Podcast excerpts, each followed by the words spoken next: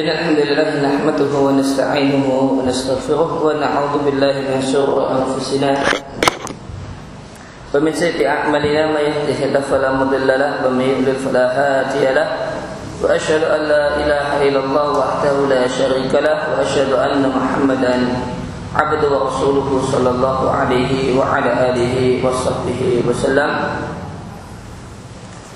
أما بعد فقال المؤلف حفظه الله تعالى الفصل السابع طلوع الشمس من مغربها Fasal yang ketujuh dari kitab As-Satu Sa'ah adalah tentang terbitnya matahari dari tempat tenggelamnya. Terbitnya matahari dari tempat tenggelamnya adalah di antara tanda besar untuk terjadinya kiamat dan adanya peristiwa ini terbitnya matahari dari tempat tenggelamnya berdasarkan Al-Quran dan Sunnah.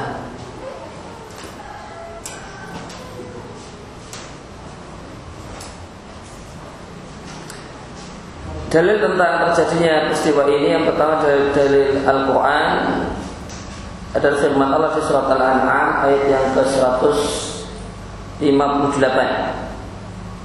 Ya mayati ba'du ayat Rabbik pada hari di mana datang uh, sebagian tanda kekuasaan Rabbmu la yanfa'u nafsan imanuha maka pada hari itu tidaklah bermanfaat imannya orang yang kafir. Lam takun amanat min qabl yang sebelumnya dia tidak beriman. Au kasabat fi imaniha khairan demikian juga tidaklah bermanfaat amal kebajikan yang dimiliki oleh orang yang dulunya beriman namun dia dulunya sebelum terjadi peristiwa tersebut dia bukanlah orang yang bersemangat untuk mengumpulkan kebaikan dalam imannya. Kemudian setelah itu dia bertobat, maka tobatnya dari ahli maksiat menjadi ahli taat tidak ada gunanya.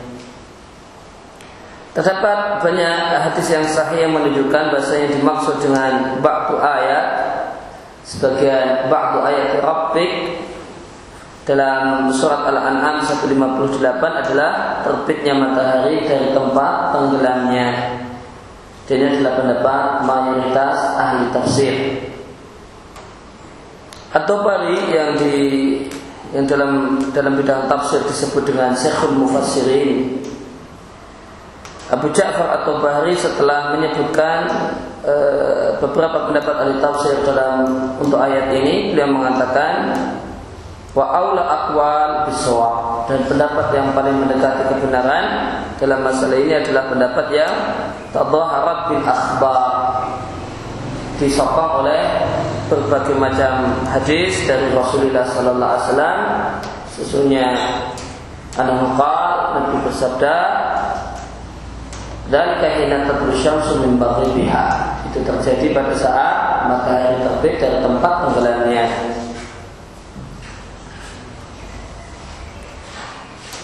Kemudian Syaukani juga mengatakan tidak sabata jika terbukti jika dijumpai waktu hadat tafsir an-nabawi makfuknya tafsir Nabi ini min wajihin sahihin dengan sanad yang sahih yang tidak ada cacat padanya fahuwa wajib takdir maka tafsir inilah yang wajib didahulukan dinomor satukan. Muhattam muhattamul akhdi sebuah keniscayaan mengambilnya berpendapat dengannya. Sedangkan dalil dari sunnah maka hadis-hadis yang menunjukkan terbitnya matahari dari tempat tenggelam yaitu banyak sekali. Ilaika bentuk ini sejumlah darinya, sebagian darinya. Diatkan oleh Syekhan, ya, Syekhan jika dalam bidang hadis maknanya adalah Bukhari dan Muslim. Jika dalam bidang sirah maka maknanya Abu Bakar dan Umar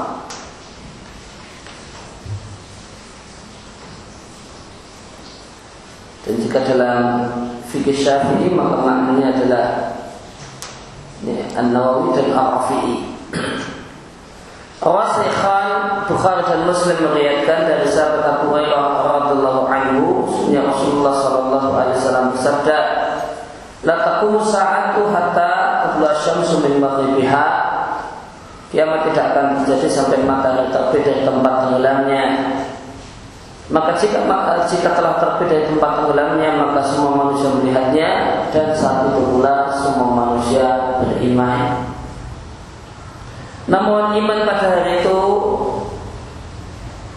pada eh, karena hari itu adalah akhir adalah waktu di mana hmm, imannya orang yang semula kafir ke jalan bermanfaat lam takun amal min qabl yang sebelumnya dia tidak beriman alias kafir atau kasabat fi imaniha khairan demikian pula tobatnya ahli maksiat menjadi ahli taat juga tidak ada gunanya Tobatnya orang yang beriman yang dulu adalah ahli maksiat kemudian bertobat menjadi ahli taat kasabat fi iman yang khairan itu tidak ada gunanya dan faedahnya.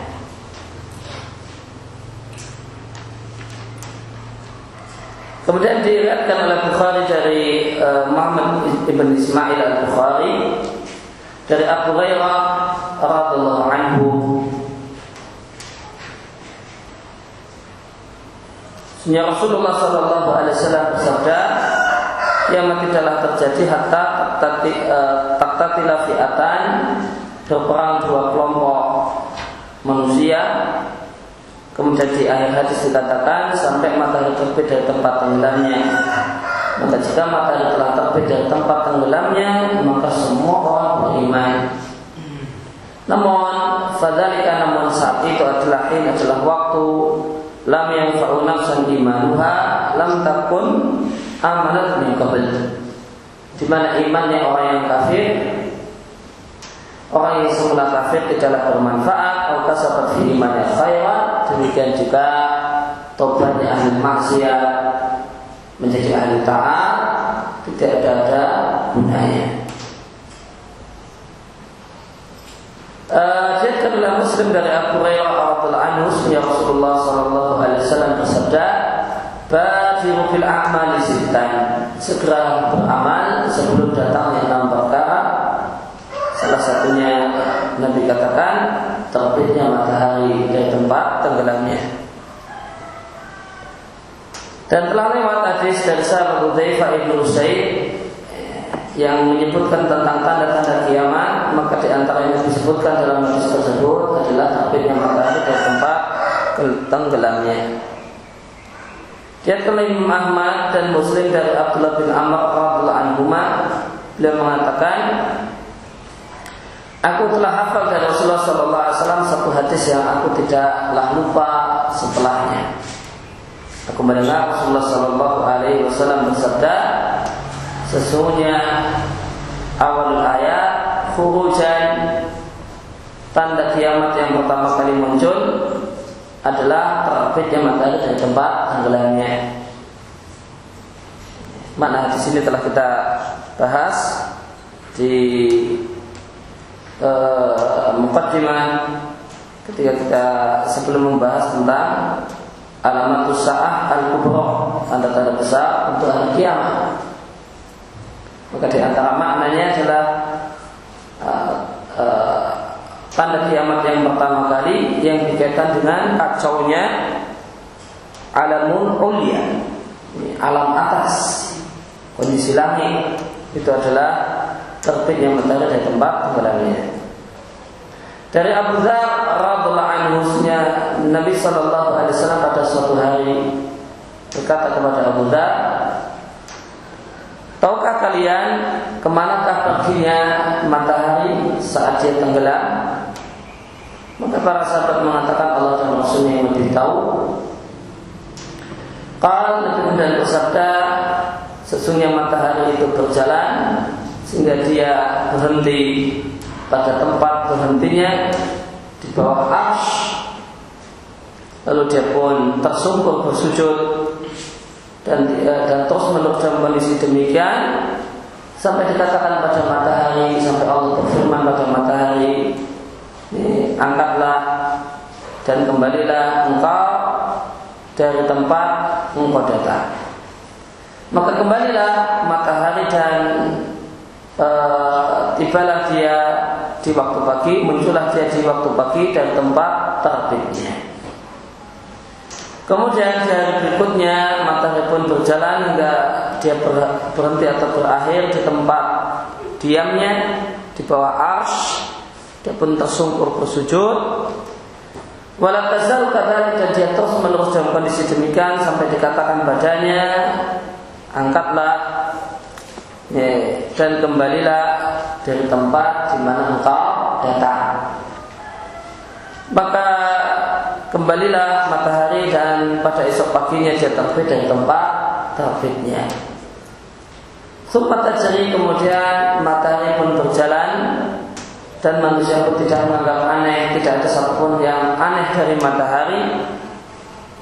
Sampai akhirnya matahari berhenti di di tempat ya, berhentinya tahta ars di bawah ars lalu dikatakan badannya angkatlah asbi taliatan min maghribika. Terbitlah dari tempat tenggelammu. Maka esok paginya dia terbit dari tempat tenggelamnya. Maka Rasulullah Shallallahu Alaihi Wasallam bersabda tahukah kalian mata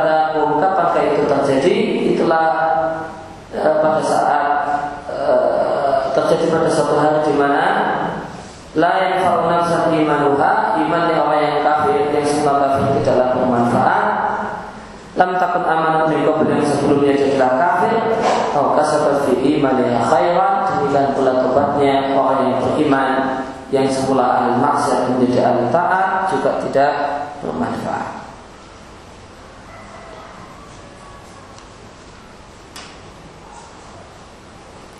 Kemudian uh, bantah untuk Muhammad Rasul Ridha yang menolak atas Abu berkaitan dengan sujudnya matahari. Muhammad Rasul Ridha membawakan hadis Abu Dhar yang lewat dan memberikan catatan kaki, memberikan komentar bahwasanya mata atau isi hadis tersebut sangat-sangat membingungkan. Kemudian berkata dengan sanatnya Muhammad Rashid Ridho mengatakan Hal hadis hadis dijadikan oleh Syekhan dan Muslim dan beberapa jalur semuanya ujungnya adalah Ibrahim bin Yazid bin Syarif At-Taimi dari Abu Dhar. Wahuwa dan Ibrahim bin Yazid ini meski dia dinilai oleh sejumlah ulama namun dia adalah mudallis Imam Ahmad mengatakan saya tidak berjumpa Abu Dhar sebagaimana juga dikatakan oleh Qutni Ibrahim bin Yazid itu tidak mendengar dari Hafsah, tidak pula dari Aisyah, tidak pula menjumpai zaman keduanya. Ali Al-Madini mengatakan saya tidak mendengar hadis dari Ali, demikian juga dari Ibnu Abbas. Demikian yang disebutkan dalam Tahdhibut Tahdhib. Waqad ruya ghairu hadha an haula'i fi an ana. Waqad ruya dan dilihatkan ghairu hadha selain hal ini dari mereka-mereka Bil al-ana dengan menggunakan kata-kata an. Fayahtamil maka dimungkinkan ayakuna man haddasahu anhum ghayr Karena dia e, maka dimungkinkan orang yang bercerita pada Ibrahim bin Yazid anhum dari mereka-mereka Abu Dhar dan yang lainnya adalah perawi yang tidak thiqah. Karena eh, Ibrahim bin Yazid ini tidak berjumpa dengan sahabat-sahabat tadi. Maka pasti ada perantara.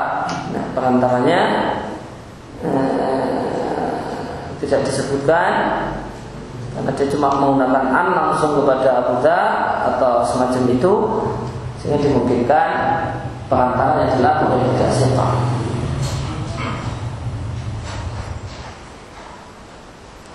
Faidakana maka jika sebagian riwayat yang ada dalam Sahih dan Muslim dan yang ada dalam kitab Sunan memiliki catat semacam ini sehingga di belakangnya ada kemungkinan kemasukan Israelia dan kesalahan penukilan dari sisi makna maka apa yang kita katakan untuk hadis-hadis yang ditinggalkan dan tidak dimasukkan oleh Bukhari Muslim dalam sahih keduanya demikian juga hadis-hadis yang ditinggalkan oleh Ashabus Sunnah yang tidak dimasukkan dalam keduanya. Maka bagaimana dengan hadis-hadis di luar kutubus sita di luar Bukhari dan Muslim dan empat kitab Sunan? Demikian ucapan Muhammad Rashid Ridho di tafsir Al-Mana Cetakan yang kedua yang dicetak di offset Belum ada mesin cetak modern ketika itu Hadza maqalahu demikian yang dikatakan oleh Muhammad Rasul Ridha rahimahullah taala. Dan perkataan dia ini adalah perkataan yang sangat-sangat berbahaya.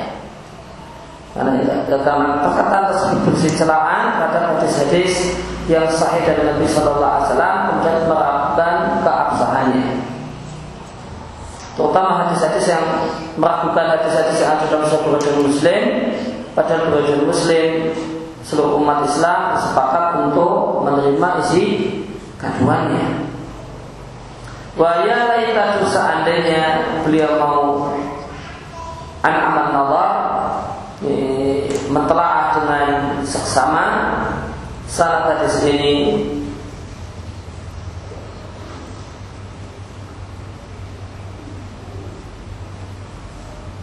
Sehingga selamatlah matan hadis ini dari kebingungan yang dia klaimkan. Kemudian beliau mengikuti apa yang dia katakan dalam masalah ini mengikuti salah para pendahulu itu dan para ulama yang mereka adalah tokoh-tokoh hebat dalam Islam yang mereka semua beriman dengan hadis yang saya dari Rasulullah Sallallahu Alaihi Wasallam dan mereka tidak memaksa-maksakan diri untuk mengatakan sesuatu yang tidak mereka ketahui bahkan mereka perlakukan sabda Nabi Shallallahu Alaihi Wasallam sesuai dengan makna yang benar itulah makna yang segera tertangkap dari hadis. Dan penulis suatu saat membawakan kutipan penjelasan para ulama tentang makna hadis ini.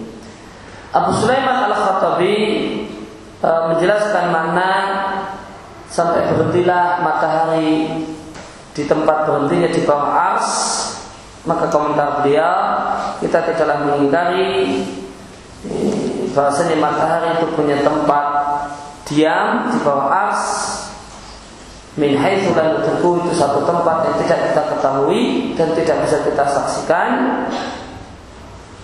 cuma kita mendapatkan berita dari Nabi Shallallahu Alaihi Wasallam tentang satu hal yang gaib maka kita pun tidak mendustakannya dan tidak membahas bagaimana caranya karena pengetahuan kita tidak meliputi hal tersebut.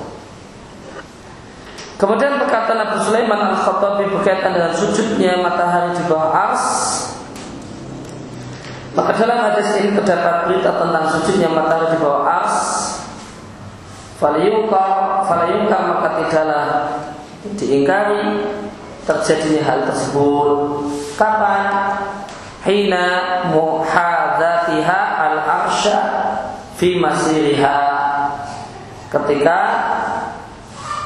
posisi matahari itu muhadah lurus tepat di bawah ars pada saat dia sambil muter. Maka ketika sambil dia berjalan, maka ada suatu posisi di mana posisinya tersebut tepat di bawah ars.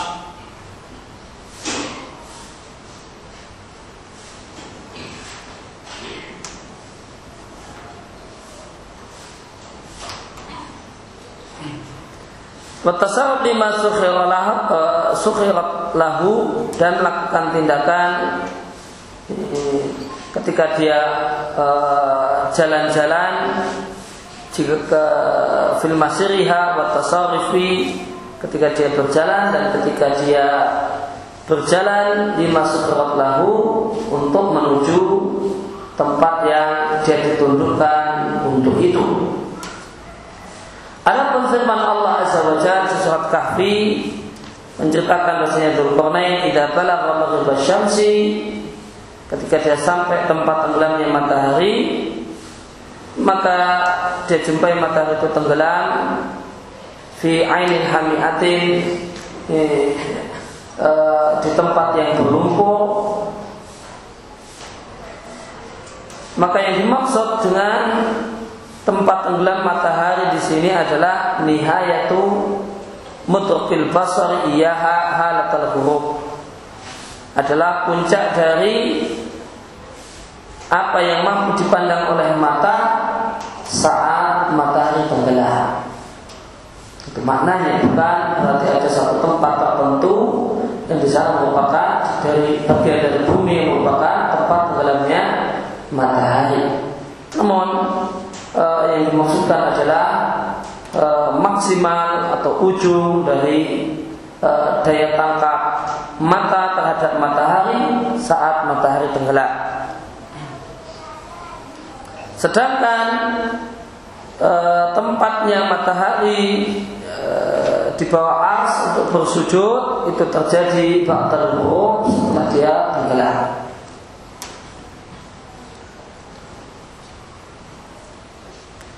Sedangkan An-Nawawi mengatakan adapun sujudnya matahari maka itu dengan tamyiz dengan pengetahuan dan pemahaman yang Allah ciptakan pada matahari. Maka Allah memberikan pengetahuan kepada matahari bagaimanakah cara dia harusnya dia bersujud. Ini kita tidak tahu e, pengetahuan apa yang Allah berikan kepada matahari untuk itu. Ibnu Katsir mengatakan mata bersujud e, atau bersujud karena keagungan Allah untuk mengagungkan Allah segala makhluk. Tau'an wa karhan baik sukarela ataupun terpaksa dan sujudnya segala makhluk termasuk di antaranya matahari mimma yakhtassu bihi adalah sujud yang khusus untuk masing-masing makhluk.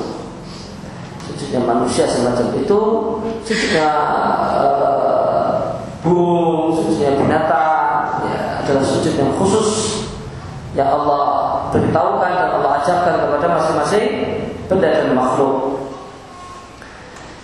Ibnu Hajar mengatakan hadis menunjukkan bahasa yang dimaksud dengan istiqrar tempat berhentinya matahari dalam buku jatuhnya matahari uh, setiap malam dan pagi dan siangnya saat dia bersujud. Maka istiqrar itu sama dengan tempat bersujudnya matahari. Posisi bersujudnya matahari. Memukabil uh, istiqrar dan istiqrar di sini kebalikan dan lawan kata dari al-masir adai. Terus menerus berjalan yang uh, terus menerus berjalan di sini dalam bahasa hadis disebut dengan jari berjalan. Wallahu a'lam.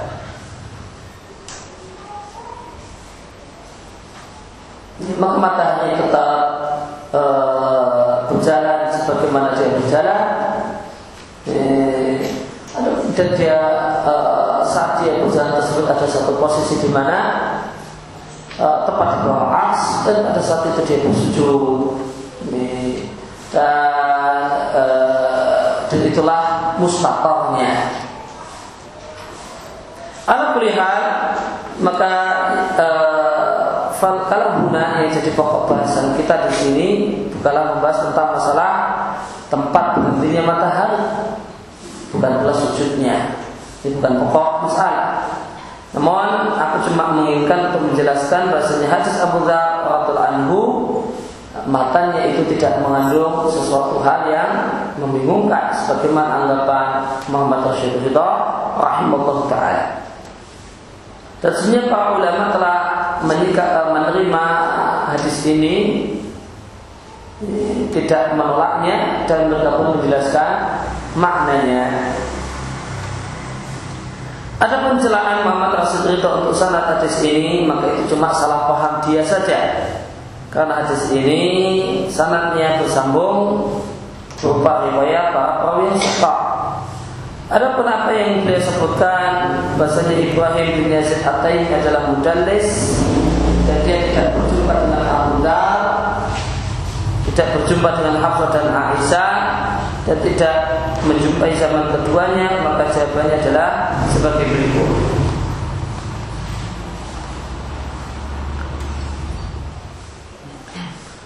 Hadis yang kita baca Sanadnya bukanlah riwayat Ibrahim bin Yazid At-Taimi dari Abu Dhar. Namun sanadnya sebagaimana yang ada dalam Bukhari dan Muslim adalah Ibrahim bin Yazid At-Taimi dari ayahnya dari Abu Dhar. Sedangkan apa yang disampaikan oleh uh, Muhammad Rasul itu berlaku kalau sanadnya adalah Ibrahim bin Yazid At-Taimi langsung dari Abu Dhar. Maka setelah ada kita setelah ada keterputusan. Uh, dan bapaknya Ibrahim bin Yazid At-Taimi adalah Yazid bin Syarik At-Taimi dan dia mengambil riwayat mendapatkan riwayat hadis dari Umar, Ali dan Abu Dhar maka jelas bersambung dengan Abu Dhar Ibnu Mas'ud dan para sahabat yang lainnya wa dan yang mengambil riwayat dari Yazid bin Syarik ini adalah anaknya sendiri yaitu Ibrahim. Ibrahim bin Yazid maka jelas tersambung antara anak dengan bapak. Ibrahim anak dan yang lainnya. Dan bapaknya Ibrahim ini yaitu Yazid bin Syarik ini dinasikan oleh Ibnu Ma'in, Ibnu Hibban, Ibnu Sa'ad dan Ibnu Hajar Rawa'anul jamaah dan sejumlah perawi pun mengambil hadis dari beliau uh, dan Abu Musa al-Madini mengatakan Yukol ada orang yang bilang bahwa dia menjumpai masa jahiliyah. Sebenarnya Ibrahim bin Yazid telah menegaskan kalau dia mendengar hadis dari bapaknya itu Yazid sebagaimana dalam Muslim. Fa'inahu qal dalam riwayat Muslim Ibrahim mengatakan atau di sana disebutkan sanadnya hadis sana uh, Yunus an Ibrahim bin Yazid At-Taimi sami'ahu fi ma'akla an abihi. Dalam dalam pengetahuanku kata Yunus dia mendengar hadis ini dari ayahnya dari Abu Dhar. Dan jika para istiqah itu telah tegas dia mengatakan kalau dia mendengar maka riwayatnya diterima. Sebagaimana kaidah baku dalam ilmu mustalah hadis. Maka ringkasnya tidak ada hal yang bermasalah dari mata dan sana hadis Abu Tidak sebagaimana anggapan uh, Muhammad Rasulullah rahimahullah taala wa khufarah Kemudian berkaitan dengan tidak diterimanya iman dan taubat setelah terbit matahari dari tempat tenggelamnya. Maka jika matahari telah terbit dari tempat tenggelamnya, maka imannya orang yang sebelumnya kafir tidaklah diterima. Sebagaimana tobatnya tukang maksiat yang bertobat ingin jadi ahli taat juga tidak diterima.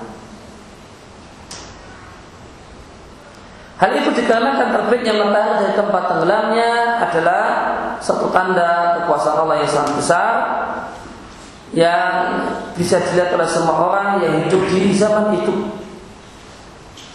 Maka dengan terbitnya matahari dari tempat tenggelamnya maka tersingkaplah berbagai hakikat hakikat hari akhir. Maka manusia menyaksikan satu hal yang ngeri yang ini menyebabkan tunduknya leher-leher mereka untuk berik, untuk menyampaikan ikrar untuk berikrar dan tasdik dan percaya dengan Allah dan ayat-ayat Allah sehingga status orang-orang yang melihat matahari dari tempat tenggelamnya ini statusnya adalah sebagaimana orang yang menyaksikan dan melihat adab Allah Subhanahu wa taala. Sebagaimana firman Allah Azza wa Jalla, "Falamma ra'au ba'sana qalu amanna billah." Maka tatkala mereka telah melihat siksaan kami, siksaan kami telah ada di depan matanya, maka mereka beriman kepada Allah semata, wa kafarna bima kunna bihi musyrikin dan kami ingkari segala sesembahan yang dulunya kami jadikan sebagai saingan Allah Subhanahu wa taala. Maka Allah katakan, "Falam yaku yanfa'uhum imanuhum lamma ra'au ba'sana." Maka tidaklah bermanfaat bagi mereka keimanan mereka tatkala namun keimanan tersebut adalah keimanan yang muncul tatkala mereka melihat adab kami.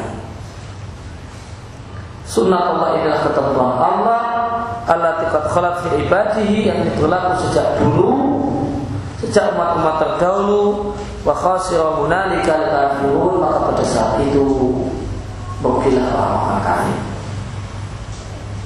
Pada saat itu di mana dia melihat ada, kemudian dia beriman, maka merugilah orang-orang kafir karena imannya tidak diterima.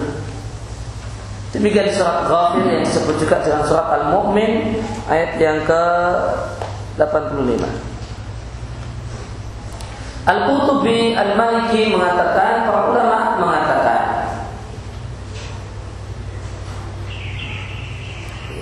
Imannya orang kafir pada saat itu tidaklah bermanfaat yaitu pada saat tenggelam terbitnya matahari dari tempat tenggelamnya karena li'anau khamsa ila qulubihim minal faza' karena sebenarnya telah masuk ke dalam hati mereka rasa ketakutan yang rasa ketakutan tersebut memadamkan semua syahwat jiwa. Semua keinginan maksiat itu hilang semua. Wataftu dan lemeslah semua kekuatan badan. Maka jadilah manusia seluruhnya ketika itu karena mereka demikian yakin dekatnya hari kiamat. Mereka seperti keadaan orang yang hadrahul mautu eh, mengalami sebab maut. maka putus sudah semua faktor pendorong untuk melakukan maksiat dengan berbagai macam bentuknya. Dan batal sudah hilang sudah semua faktor pendorong tersebut dari badan mereka. Maka siapa saja yang baru bertobat manakala dia mengalami kondisi semacam ini, tobatnya tidak diterima. Sebagaimana tidak diterimanya tobat orang yang sakaratul maut. Penjelasan berikut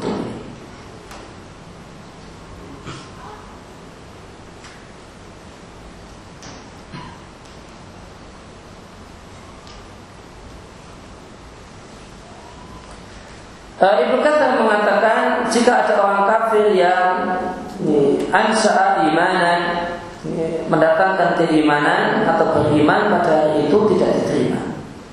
Adapun orang yang sudah beriman sebelum itu maka jika sebelum kejadian tersebut dia muslihan fi amali bahasa bebasnya dia sudah menjadi ahli to'ah ya, sebelum kejadian tersebut dia adalah orang yang memperbaiki amal artinya dia adalah bukan ahli maksiat bukan mukmin ahli maksiat.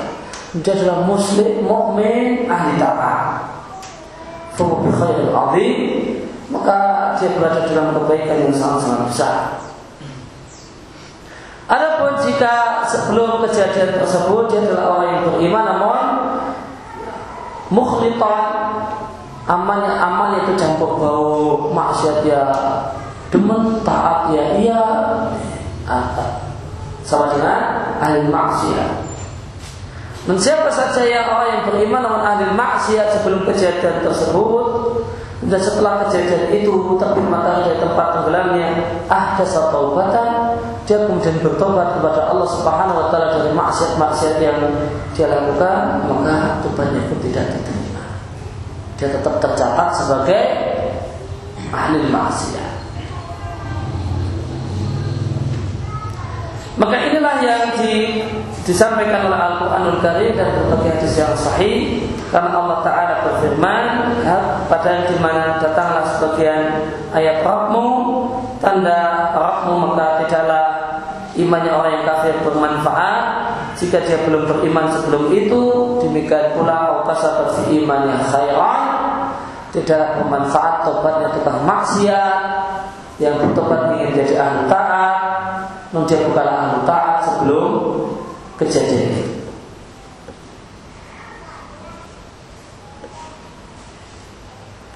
Dan Nabi Shallallahu Alaihi Wasallam bersabda dalam sebuah hadis yang diatkan oleh Imam Ahmad dalam musnadnya, saya Ahmad Muhammad Syakir mengatakan sanadnya sahih, Ibnu Katsir mengatakan sanadnya jayid dan kuat, Al Haythami mengatakan para perawi uh, Imam Ahmad adalah para perawi yang thiqah. Nabi Shallallahu Alaihi Wasallam bersabda, hijrah tidaklah kewajiban hijrah tidaklah terputus selama tobat masih diterima. Dan tobat selalu diterima sampai terbitnya matahari dari tempat tenggelamnya. Maka jika matahari telah terbit, maka dikunci mati dan dipatrilah semua hati bima fihi sebagaimana keadaannya semula. Wakafa an-nasu al-amal dan cukuplah bagi manusia amal-amal yang dia lakukan sebelum dia sebelum kejadian itu. Maka itu yang ditulis dan telah yang dicatat itu yang dicukupkan.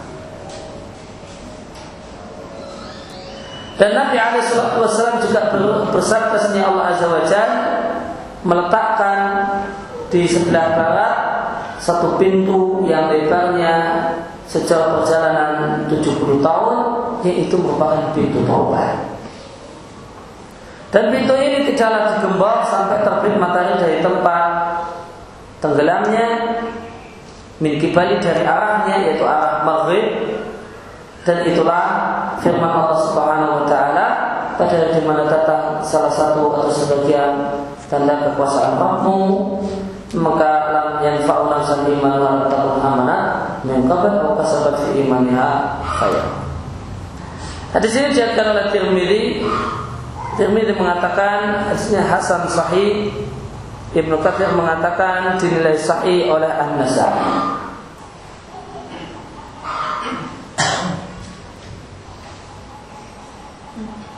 Maka yang membedakan orang yang beriman dengan bukan orang yang beriman adalah beriman dengan hal yang gaib. Masuk beriman uh, dengan hal yang gaib, beriman dengan hari akhir yang gaib. Itulah yang membedakan orang yang beriman dan orang yang tidak beriman sebagaimana Allah firmankan di awal-awal surat Al-Baqarah. Alladzina yu'minuna bil ghaib mereka orang-orang yang beriman dengan hal yang gaib. Jika satu hal itu sudah tidak lagi gaib, sudah tidak lagi sudah sudah tidak lagi tersembunyi namun nampak pada semua orang maka iman manakala satu hal yang gaib sudah tidak lagi gaib adalah satu hal yang sia-sia. Karena satu hal yang tidak gaib, karena sesuatu hal yang sudah tidak lagi gaib, semua orang mengimaninya. Semua orang mengimaninya. Seperti mana semua orang mengimani adanya matahari, karena tidak gaib. Maka ketika matahari telah terbit dari tempat tenggelamnya, maka nampaklah pada semua orang haknya dan benarnya hari akhir. Maka hari akhir itu sudah tidak lagi. Oleh karena itu, maka iman ketika itu tidak ada dan ada lagi manfaatnya. Nah, berkaitan dengan masalah taubat setelah terbitnya matahari dari tempat tenggelamnya, sebagian ulama yaitu Al-Qurtubi penulis At-Tadkirah demikian juga Al-Alusi dalam tafsirnya berpendapat bahasanya orang-orang yang tidak diterima keimanan mereka adalah orang-orang yang kafir yang melihat dengan mata kepala mereka terbitnya matahari dari tempat tenggelamnya. Adapun jika uh, waktu itu bertambah panjang, kemudian manusia lupa dengan kejadian itu, maka orang-orang kafir setelah masa yang panjang ini, masa yang panjang dari terbitnya mata dari tempat tenggelamnya, keimanan mereka diterima dan tobat tukang maksiat juga diterima. Abu Abdullah Al-Qurtubi Al-Maliki penulis kitab At-Tazkirah yang juga merupakan penulis kitab Tafsir Qurtubi mengatakan Allah uh, Nabi Shallallahu Alaihi Wasallam bersabda, Inna Allah yang taubat al abdi malam yuzahir. Ya Allah Subhanahu Wa Taala menerima tobat seorang hamba selama nyawanya belum berada di tenggorokan atau di, di tenggorokannya. Di sini diatkan Imam Ahmad, Syahmat Muhammad Syakir mengatakan sanadnya sahih. Yukhahir maknanya lam tabelum ruhu selama rohnya belum sampai tenggorokannya. Yukhahir diambil dari kata-kata ghafara. Ghafara adalah perbuatan seorang yang meletakkan minuman, memasukkan e, minuman ke dalam mulutnya, kemudian dia kocak-kocak sehingga sampai e, ke ya, ke bagian mulut yang paling paling pojok, yang paling ujung, namun belum sampai dia telah, belum sampai dia telah. Maka yughadhir adalah manakala nyawa sampai di di, di pangkal uh, mulut atau mulut maka itu yughadhir. Uh, Al-Qutubi mengatakan menjelaskan mana ini yaitu selama roh itu belumlah sampai kepada puncaknya uh, puncak dari tenggorokan. Itulah waktu al-muayyanah Waktu di mana orang itu melihat dengan mata kepalanya Dia melihat bagaimanakah tempat tinggalnya di surga Dan tempat tinggalnya di neraka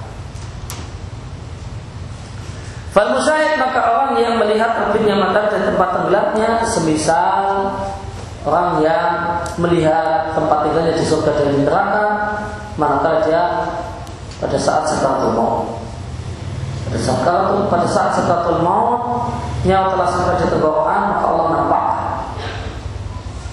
Allah nampakkan surga jika orang yang mau mati tersebut adalah orang yang beriman. Maka pada saat itu maka dia pun gembira, senang, bahagia karena ditunjukkan oleh malaikat ini loh tempat tinggalmu di surga setelah engkau mati.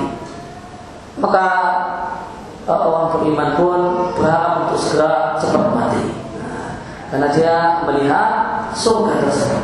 Maka dia pun sangat menginginkan untuk segera berjumpa dengan Allah, ya, ingin cepat segera selesai proses kematiannya, ya, dan sebaliknya adalah orang kafir di mana dinampakkan badannya tempat tinggalnya di neraka, maka dia pun uh, uh, benci untuk mati karena dia takut dan khawatir.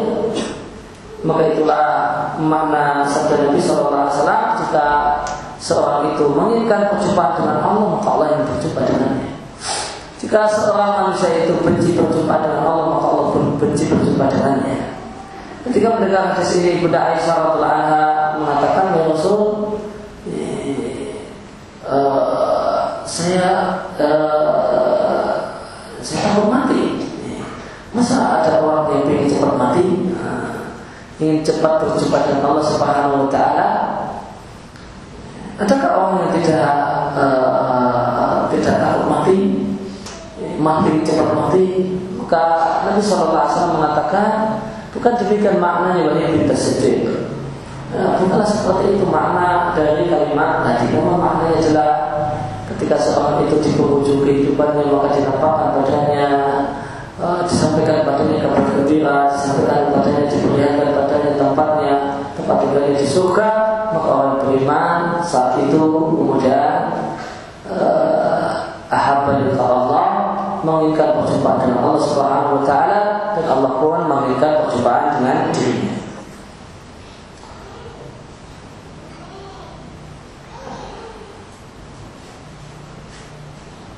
Fal musyahid maka orang yang menyaksikan terbitnya matahari dari tempat tenggelamnya semisal orang yang menyaksikan tempat tinggalnya di surga dan di neraka di akhir hidupnya. Walahada maka berdasarkan hal ini maka sepatutnya tobat semua orang yang menyaksikan kejadian tersebut atau orang yang statusnya sebagaimana orang yang menyaksikan adalah tobat yang tertolak maaf selama dia hidup. Karena pengetahuannya tentang Allah Ta'ala dan Nabi Sallallahu Alaihi Wasallam dan janji Allah telah menjadi satu hal yang bersifat melekat pada dirinya tidak bisa tidak.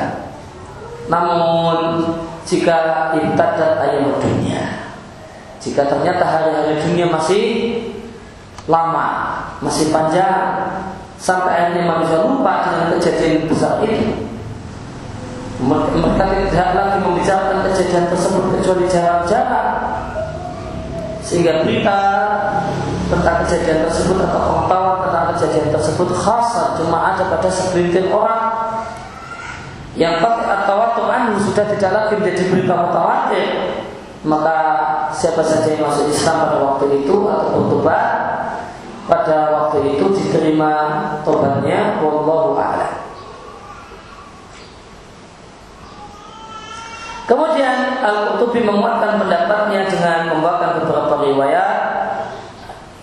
Yang pertama dari yang mengatakan senyamatan dan rembulan akan diberi pakaian empat dan setelah kejadian itu terbitnya dia dari tempat tenggelamnya dengan cahaya dan cahaya kemudian matahari dan rembulan pun terbit sebagaimana biasa pada banyak orang dan tenggelam sebagaimana biasanya. Demikian juga dilihatkan dari Abdullah bin Amr ibn As radhiallahu anhu Nabi Wasallam bersabda, ya pokoknya pada tulis samsi. Setelah terbitnya matahari tempat tenggelamnya, manusia masih hidup, bumi masih berumur panjang, masih ada uh, eh, 120 tahun. Dan diriwayatkan dari Imran bin Husain radhiyallahu anhu yang beliau mengatakan Ina malam tupal waktu tulu'i hatta takuna sayhatun maka tidaklah diterima tobat pada saat terbit matahari dan tempat tenggelamnya hatta takuna sayhatun sehingga terdengarlah suara teriakan maka matilah banyak orang Maka siapa saja yang masuk Islam untuk tobat pada waktu itu kemudian dia meninggal dunia maka tobatnya tidak diterima. Adapun orang yang bertobat setelah kejadian itu maka tobatnya diterima. Maka ini perkataan uh, Abu Abdullah Al-Qurtubi penulis kitab Tafsir Qurtubi dan Al-Tazkirah fi Ahwal Al-Akhirah dan ini adalah pendapat yang kurang tepat. Wajah an hadza kulli maka jawaban untuk semua argumentasi yang beliau bawakan adalah anak nusus bahasa dalil yang ada dalil yang ada menunjukkan bahasa tobat adalah diterima sejak terbitnya matahari di tempat tenggelamnya. Maka keislaman orang kafir tidaklah diterima. Dan dalil-dalil yang sahih yang ada tidaklah membeda-bedakan antara orang yang menyaksikan langsung kejadian tersebut dan orang-orang yang generasi yang muncul setelahnya yang lahir setelah kejadian tersebut ya, yang tidak menyaksikan kejadian terbitnya matahari di tempat tenggelamnya. Nah kesimpulan ini diperkuat dengan riwayat yang dilihatkan oleh At-Tabari dari Ibunda Aisyah radhiallahu anha. Aisyah mengatakan, jika telah keluar tanda kiamat yang pertama, itu tanda besar berkaitan dengan rusaknya langit, yaitu terbitnya matahari dari tempat tenggelamnya, maka pada saat itu, setelah saat itu terlihat al-akhlak. Semua catatan jadi semua pena pencatat amal dibuang. Wahu bisat al hafadah dan malaikat-malaikat pencatat amal al hafadah ditahan untuk ditahan dan tidak diperbolehkan untuk menulis amal.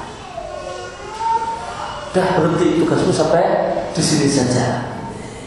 Tidak ada lagi catat mencatat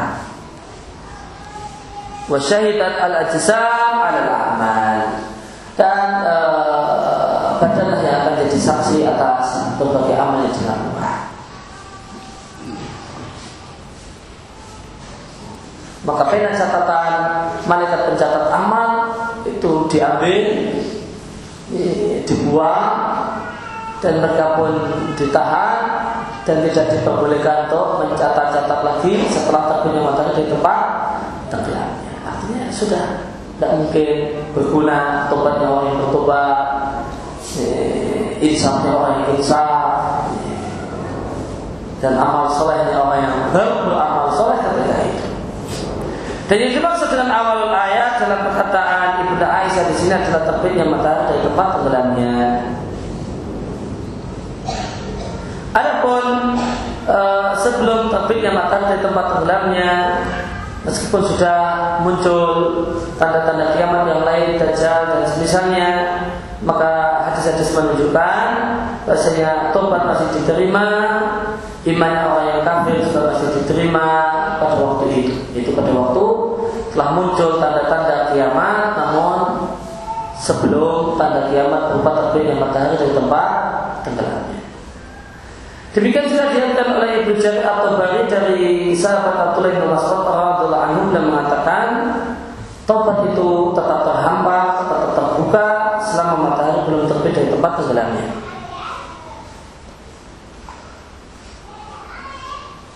Nah, berkaitan dengan perkataan Ibunda Aisyah tadi yang telah kita baca, ini ada di tafsir atau Bari Ibnu Hajar mengatakan sanadnya sahih meskipun ini mauquf perkataan sahabat namun statusnya adalah marfu karena ini masalah gaib yang tidak mungkin berasal dari istihad. Sedangkan perkataan Ibnu Mas'ud ini ada di tafsir atau Bari dan dikomentari oleh Ibnu Hajar di Fathul Bari sanadnya jayid. Ya, adalah derajat antara manakala seorang ahli hadis bingung apakah ini sahih ataukah hasan. Dilihat dari satu sisi ini sahih uh, dilihat dari ditimbang-timbang lagi ah kayaknya Hasan uh, Hasan dipikir-pikir lagi ah sahih juga bisa. Maka jadinya jadi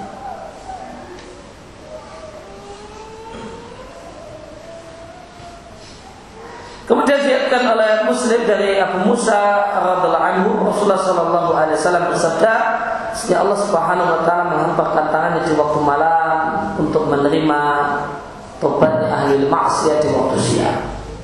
Dan Allah Subhanahu hamparkan tangannya di waktu siang supaya untuk Allah terima tobatnya pelaku maksiat di malam hari dan demikian setiap malam dan siang sampai terbit matahari dari tempat tenggelamnya tanpa lebih bedakan antara orang yang menyaksikannya atau orang yang tidak menyaksikannya. Nah, di sini ada dalam Sahih Muslim.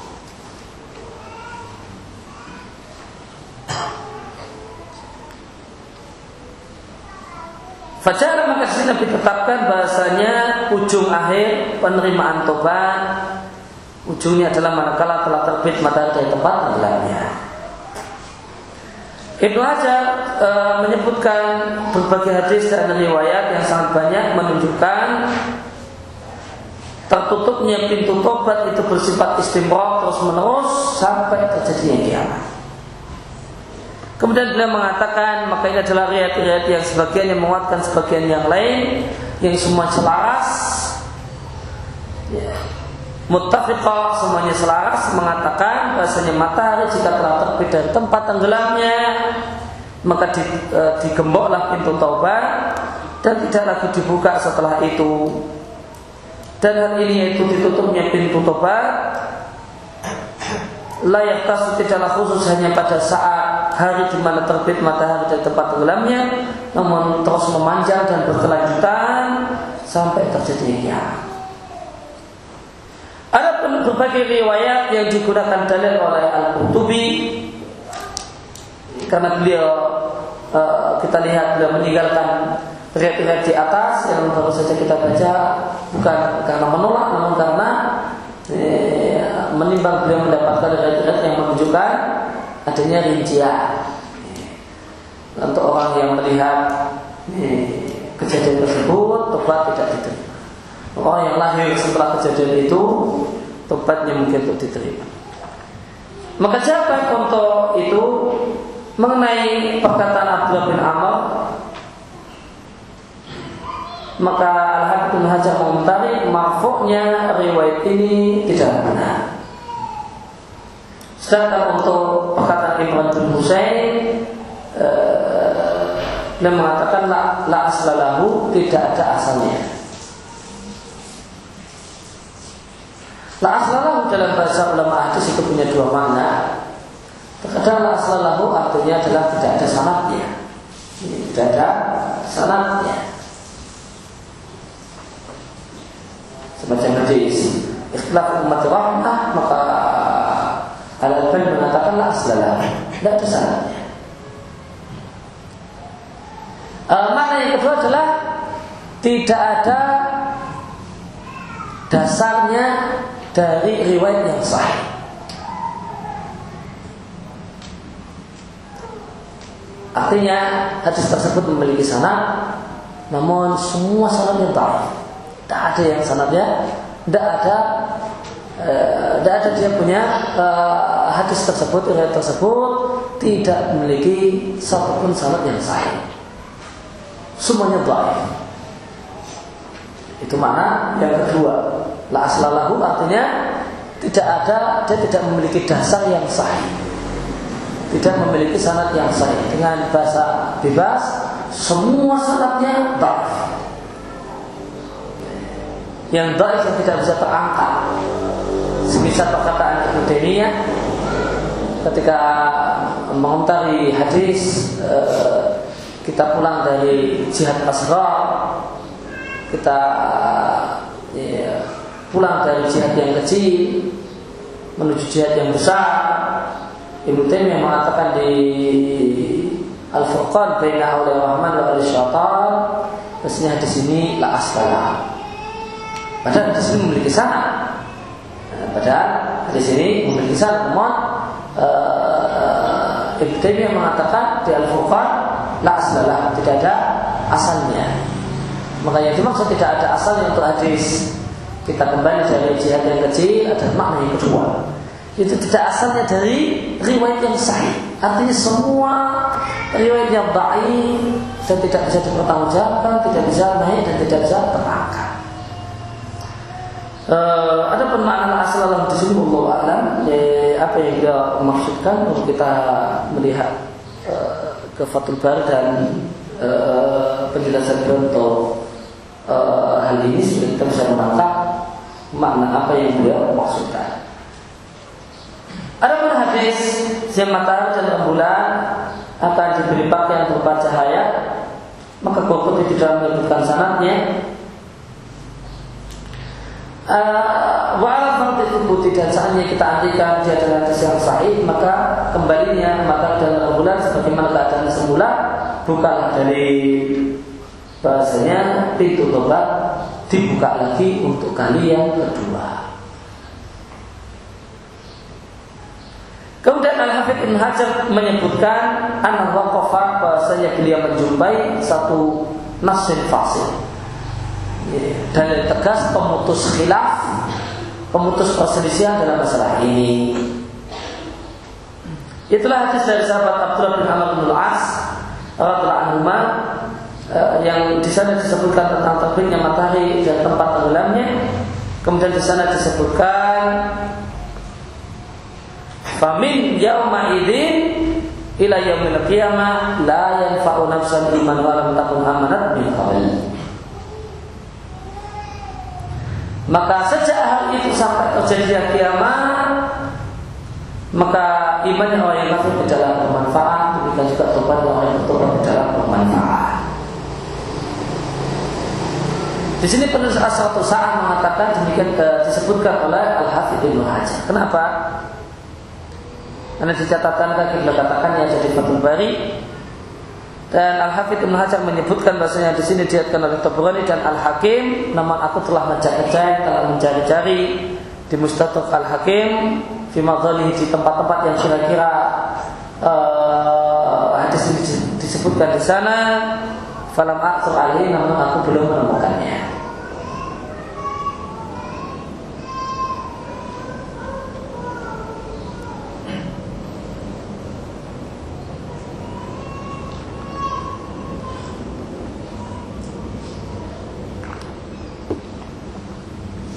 Maka kesimpulannya pendapat Al-Qurtubi yang mengatakan bahwasanya tidak diterimanya tobat hanyalah khusus uh, untuk orang-orang yang menyaksikan dan selama berita tentang kejadian tersebut masih tersebar luas.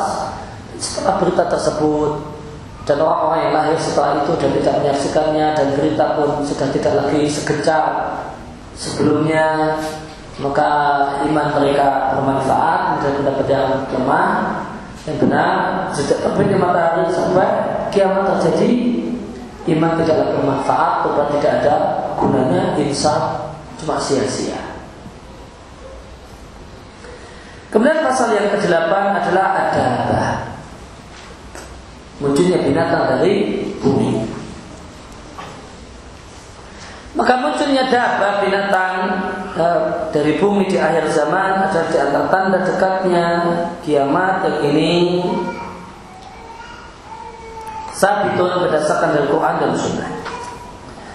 Uh, dalil tentang kemunculan dabah dari dari Al-Quran. Allah Ta'ala berfirman di surat An-Naml ayat yang ke-82 wa idza waqa'al qawlu alaihi jika telah ditetapkan keputusan atas mereka keputusan terjadi kiamat Akhrajna lahum dafatan minal ard maka kami keluarkan untuk mereka satu binatang dari bumi. Tukallimuhum yang mengajak bicara dengan mereka inna nasa kanu bi ayatina la yuqinun yang manusia uh, tidaklah yakin dengan ayat-ayat kami.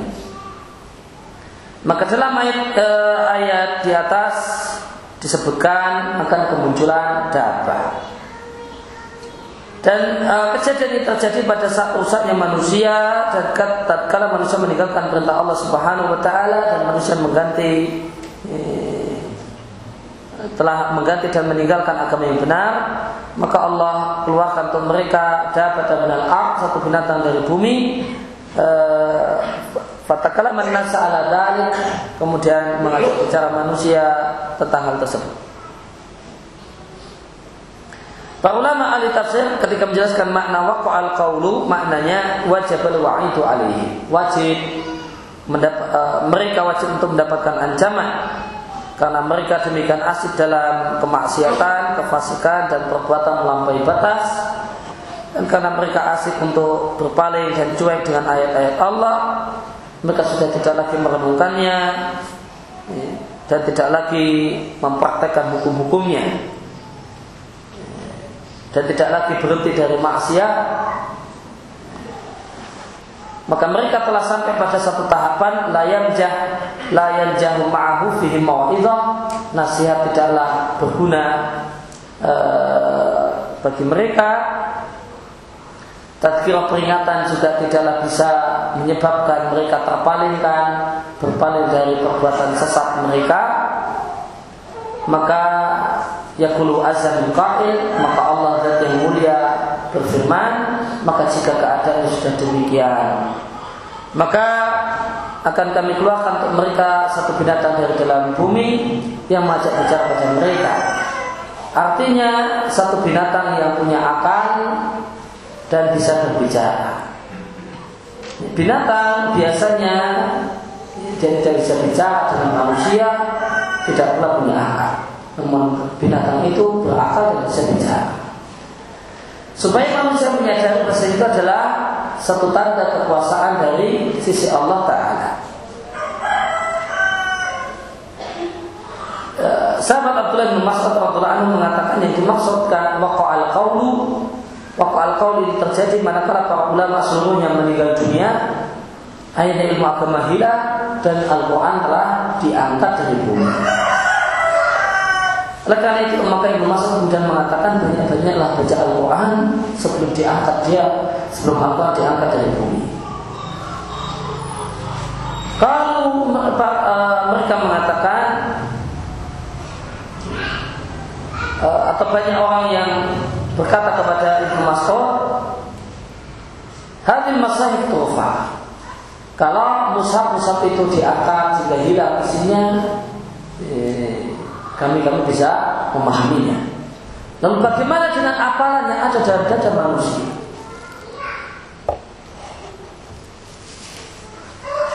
Maka Ibnu Mas'ud mengatakan Yusra alaihi lailan. Maka dihilangkan Al-Quran itu dalam waktu semalam. fayusbihuna minhu kafra maka kosonglah pada pagi harinya dan tidak ada lagi yang bersisa. Dan orang lupa dengan la ilaha illallah. Maka mereka manusia terjemus dalam perkataan jelia dan sibuk dengan syair-syair jelia nah itulah waktu di mana waktu al alaihi. Itulah waktu uh, terjadinya apa yang Allah katakan waktu al qawlu alaihim Kemudian dalil dari sunnah tentang munculnya dabah. Dia oleh Muslim dari sahabat Abu Hurairah radhiallahu anhu Rasulullah sallallahu alaihi wasallam bersabda ada tiga perkara jika telah keluar maka imannya orang yang kafir tidaklah bermanfaat dan tobatnya tukang maksiat juga tidak ada gunanya. Ketika matahari telah terbit dari tempat tenggelamnya, Dajjal dan dapat doa ketika telah muncul dabbah. Maka Nabi katakan di sini ketika muncul dajjal setelah kemunculan dajjal iman yang orang beriman tidak ada gunanya. Walau terjadi oleh Muslim dari sahabat Abdullah bin Amr bin Al-As radhiyallahu anhu dia mengatakan aku hafal dari Rasulullah sallallahu alaihi wasallam satu hadis yang tidak pernah aku lupakan. Aku mendengar Rasulullah sallallahu alaihi wasallam bersabda, Sesungguhnya ayat yang pertama kali tanda kiamat yang pertama kali muncul adalah terbitnya matahari dari tempat tenggelamnya, keluarnya jabah, menemui manusia di waktu duha. Maka mana saja dari keduanya muncul sebelum yang lain, maka yang lain itu akan muncul ala ifriha setelahnya, koriban sebentar setelahnya. Maka di sini Nabi tidak memastikan mana yang pertama kali muncul antara dabah ataukah terbitnya matahari dari tempat tenggelamnya. Cuma Nabi katakan kalau kalau telah muncul e, mata dari tempat tenggelam maka sebentar lagi muncullah dabah. Kalau dabah dulu yang muncul maka akan segera e, sebentar lagi akan terjadi terbitnya matahari dari tempat tenggelamnya. Demikian juga telah kita sampaikan hadis Hudzaifah bin Husain yang menyebutkan tanda-tanda kiamat, maka e, kemudian di antara yang dia sebutkan adalah dabah. Dan bila yang lain ada tambahan kata-kata al-ar, dabatul ar.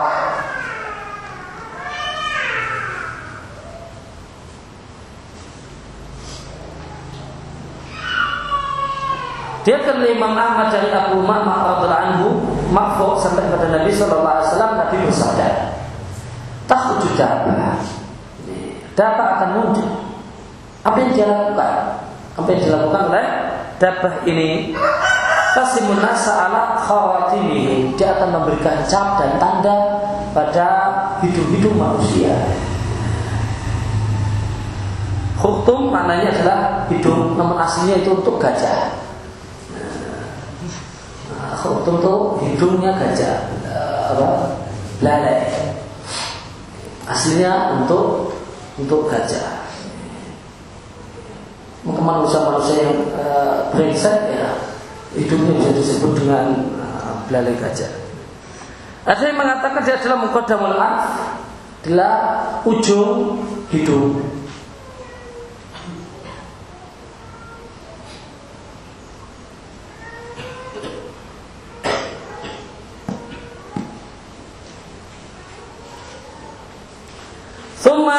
yaghmuruna fikum yaghmurun maknanya yaksurun atau yukfirun memperbanyak humra artinya zahmah minan nas wal ma dan kata-kata khomra yang artinya adalah desaan e, manusia yang berdesak-desaan wal ma dan air yang berkumpul banyak.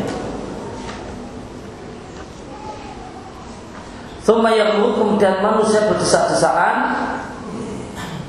fikum di tengah-tengah kalian hatta yastari arajul al-ba'in sehingga seorang ada seorang itu membeli seekor unta.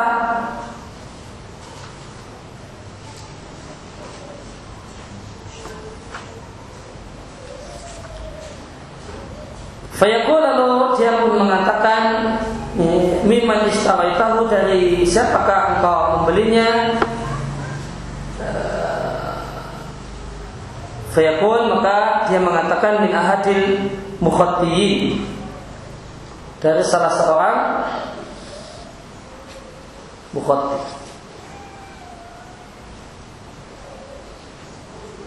Tidak ada keterangan tentang maknanya.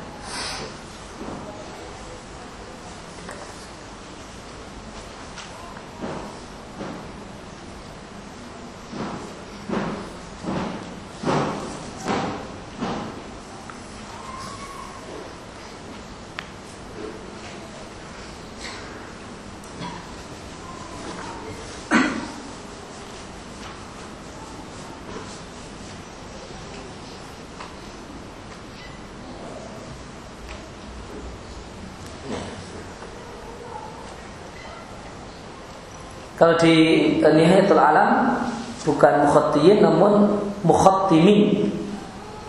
Setelah ta itu ada mim. Setelah ta ada mim.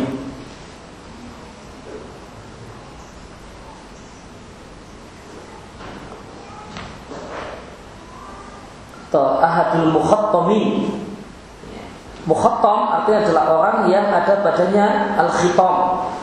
Khitam adalah garis yang ada dari hidung kemudian memanjang sampai ke pipi.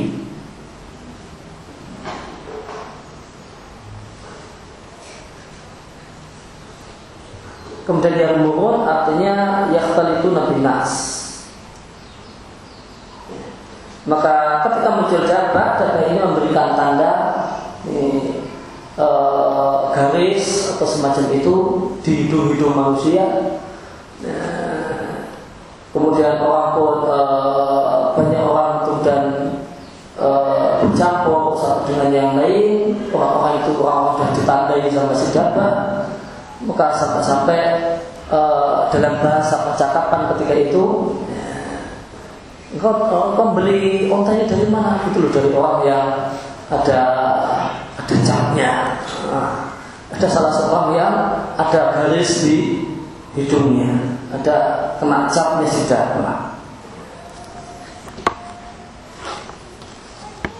Ada sini dia ke Imam Ahmad Al Haisami mengatakan para perawinya adalah perawi yang siqa selain Umar bin Abdurrahman bin Atiyah dan dia adalah siqa. Para perawinya adalah perawi kitab Sahih Bukhari atau Muslim kecuali Umar bin Abdurrahman bin Atiyah namun dia perawi yang Sika Al Albani mengatakan sahih. Diriwayatkan oleh Muslim dari Abu Hurairah radhiallahu anhu Rasulullah sallallahu alaihi wasallam bersabda, "Bersegala kalian untuk beramal sebelum datangnya enam perkara, di adalah dafatul amal."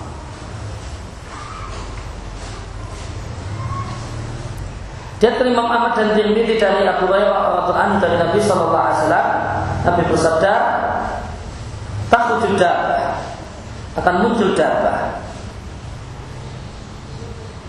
dan bersamanya tongkatnya Musa alaihissalam dan bersamanya cincinnya Sulaiman alaihissalam fatuhatimul kafir. Lalu dia akan memberikan cat dan tanda pada orang kafir. Tuhatimul kafir di catatan kaki Aitasimu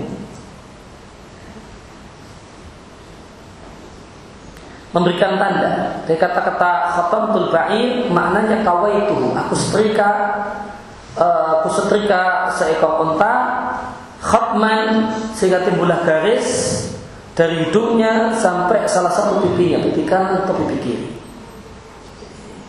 Maka tidak maka tanda yang membekas di pipi tersebut kemudian disebut dengan khitab. Maknanya uh, tu'akhir dia akan memberikan satu bekas uh, memberikan pengaruh pada hidungnya. Pengaruhnya berupa samatan satu tanda yang dia bisa dikenal dengannya. Maka tuhatimul kafir.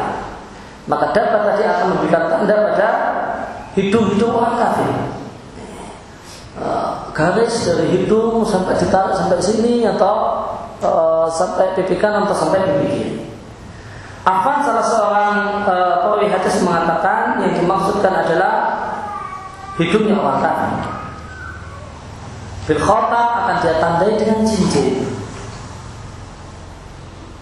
Batajlu wajul mu'min bila asal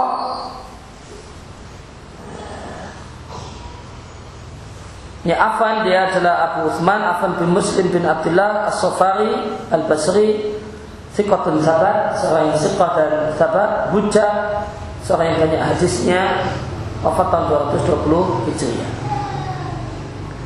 Kemudian yang dilakukan oleh Dabah ini Wa Tajlu wajah mu'min bil asal Tajlu Maknanya Dari kata-kata jala Inhisar muqaddam sya'ab maknanya adalah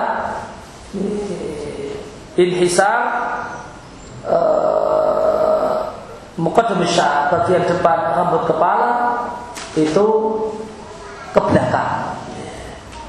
Jadi uh, uh, dibuat butak uh, depannya. Semula di sini kemudian ditarik Nah, agar rambutnya itu semula di bagian normal, kemudian ujung rambut ini kemudian ditarik ke belakang lagi.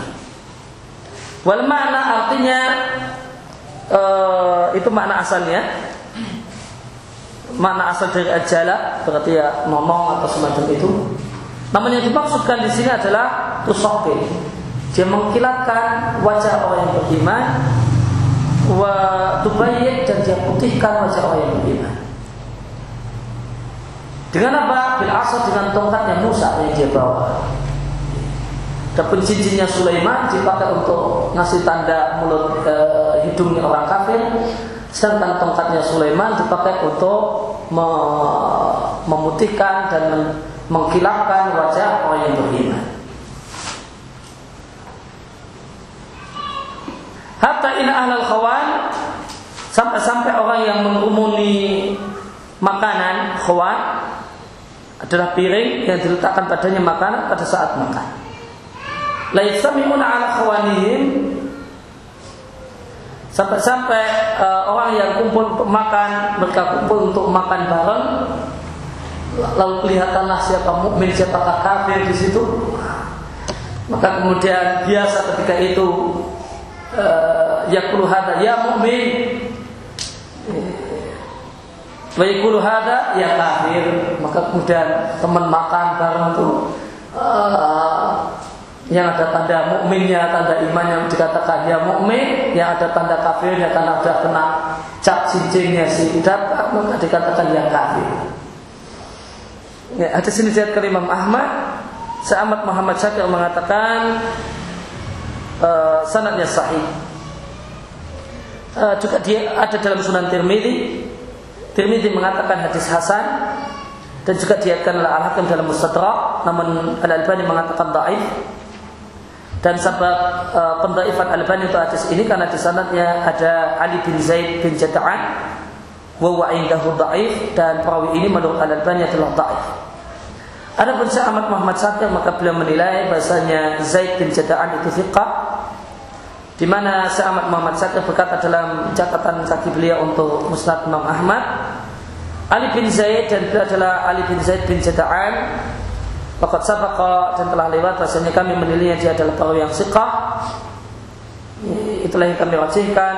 Wa mukhtalafun fihi Meskipun uh, pada dasarnya dia adalah perawi yang diperselisihkan. Apakah daif, apakah tidak? Wajib. Dan pendapat yang kuat menurut kami dia adalah para yang fiqah. Maka sahah halau at-Tirmidzi hadis dan Tirmidzi banyak meriatkan hadis dan menilai sahih hadis yang di sana terdapat Ali bin Zaid bin Jada'an artinya Tirmidzi di antara ulama yang menilai bahasanya Ali bin Zaid bin Jada'an adalah perawi yang fiqah.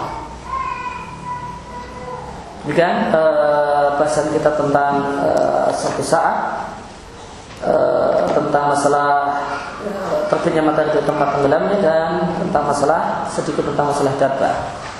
Sebelum kita akhiri ada catatan tambahan untuk keterangan yang lewat di pembahasan tentang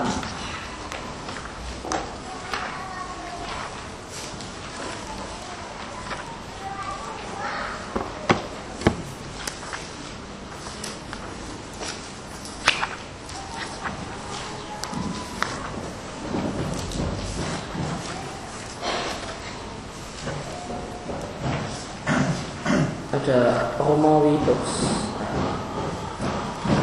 Di bahasan tentang dukhon. Perkataan Ibnu Mas'ud. Khamsun qad madaina. Khamsun qad madaina. Ada lima perkara yang telah berlalu. Al-Lizam, Warum, Batashah, Qomar, dan At-Tukhan Maka di asal saat cuma dijelaskan pengertian Lizam Lizam adalah yang dimaksudkan surat Al-Furqan 77 yaitu uh, azab yang melekat yang akan menyimpan mereka dan membinasakan mereka karena mereka mendustakan uh, Rasul Sallallahu Alaihi Wasallam. Itulah kejadian uh, perang Badar untuk orang-orang kafir Quraisy di mana terbunuh 70 pimpinan mereka dan tertawan 70 yang lain. Ada penjelasan yang lebih lengkap untuk uh, di Nihayatul Arab Kemudian arum, apa yang dimaksud dengan arum Romawi? Maka yang dimaksudkan adalah mengisyaratkan firman Allah Subhanahu wa taala di surat awal-awal surat Arum ayat 1 sampai ayat 3. Alif lam mim ghulabatir rum fi adnal ardi wa hum min ba'di ghulabihim sayaghlibun. Rasanya di ketika di awal-awal dakwah Romawi yang Nasrani dikalahkan oleh Persi yang musyrik maka orang-orang musyrik Mekah mengatakan bahasanya kalian akan selalu kalah karena kalian sama dengan orang Romawi sama-sama membawa kita sedangkan kami itu sejenis dengan Persia yang sama-sama musyrik tidak punya kitab suci. Maka kami akan selalu mengalahkan kalian. Maka uh, hal ini ucapan ini membuat sedih uh, sebagian kaum muslimin. Maka turunlah ayat ya, yang memberikan kabar gembira bahasanya eh, wahum min ba'di khulafihim sayamlikun bahasanya mereka orang-orang Romawi ahli kitab yang memiliki kitab suci mereka setelah kalah sayamlikun mereka akan uh, menang mengalahkan orang-orang Persia bibit sini dan ini kemenangan orang Romawi atas versi nanti uh, adalah di sini 3 sampai 9 tahun lagi.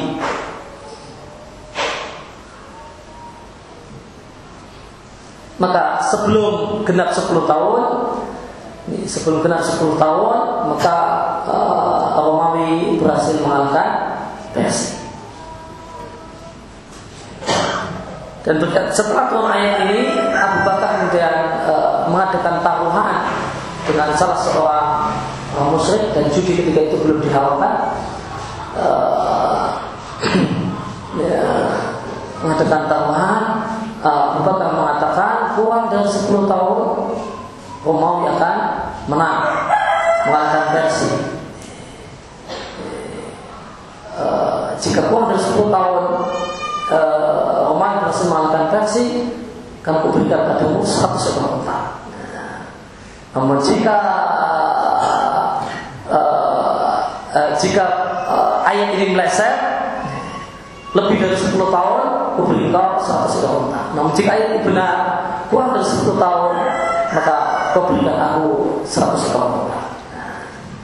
Maka Abu Bakar bertaruh dengan salah seorang musuh dan Nabi pun mengetahui dan Nabi tidak mengingkari. Dan ketika itu belum ada uh, larangan uh, mesir, larangan judi. Menurut penjelasan sebagian ulama tentang makna perbuatan Abu Bakar ini dengan uh, dengan larangan judi apa hubungannya? Sebagian ulama memaknainya dengan mengatakan ketika itu judi belum hal. Ada penjelasan yang lain uh, tentang masalah ini. Kemudian uh, maka sebelum genap 10 tahun Roman telah mengalahkan Persia dalam beberapa dapat satu ekor unta cuma-cuma dari salah seorang musuh. Wal yang dimaksud dengan batasyah mengisyaratkan firman Allah Subhanahu wa taala di surat Ad-Dukhan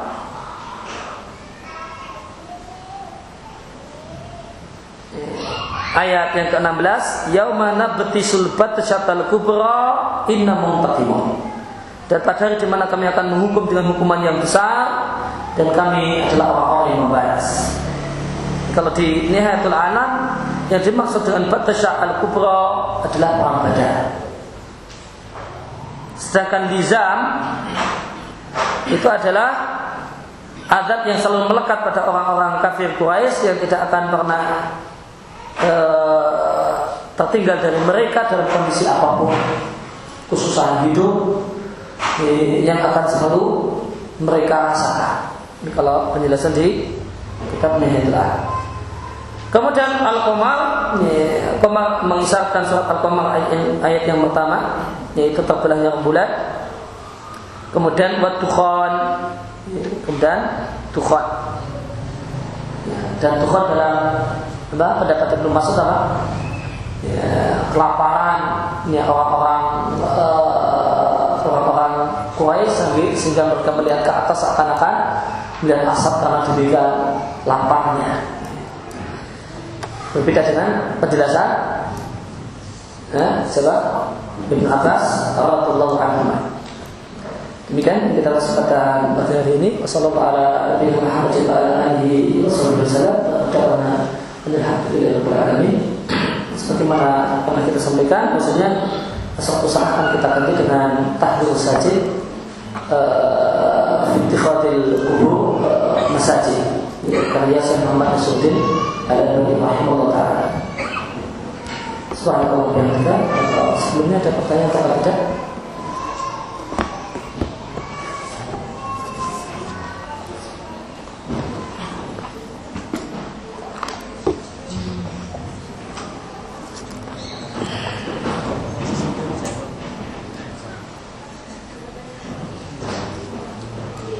Pada zaman Isa semua manusia beriman setelah itu terjadi matahari terbit dari tempat tenggelamnya yang tidak bermanfaat tempat orang kafir apakah ini menunjukkan setelah zaman Isa ada manusia yang murtad lagi ya, Zahirnya menunjukkan demikian. Menunjukkan banyak orang yang kafir setelah masa Isa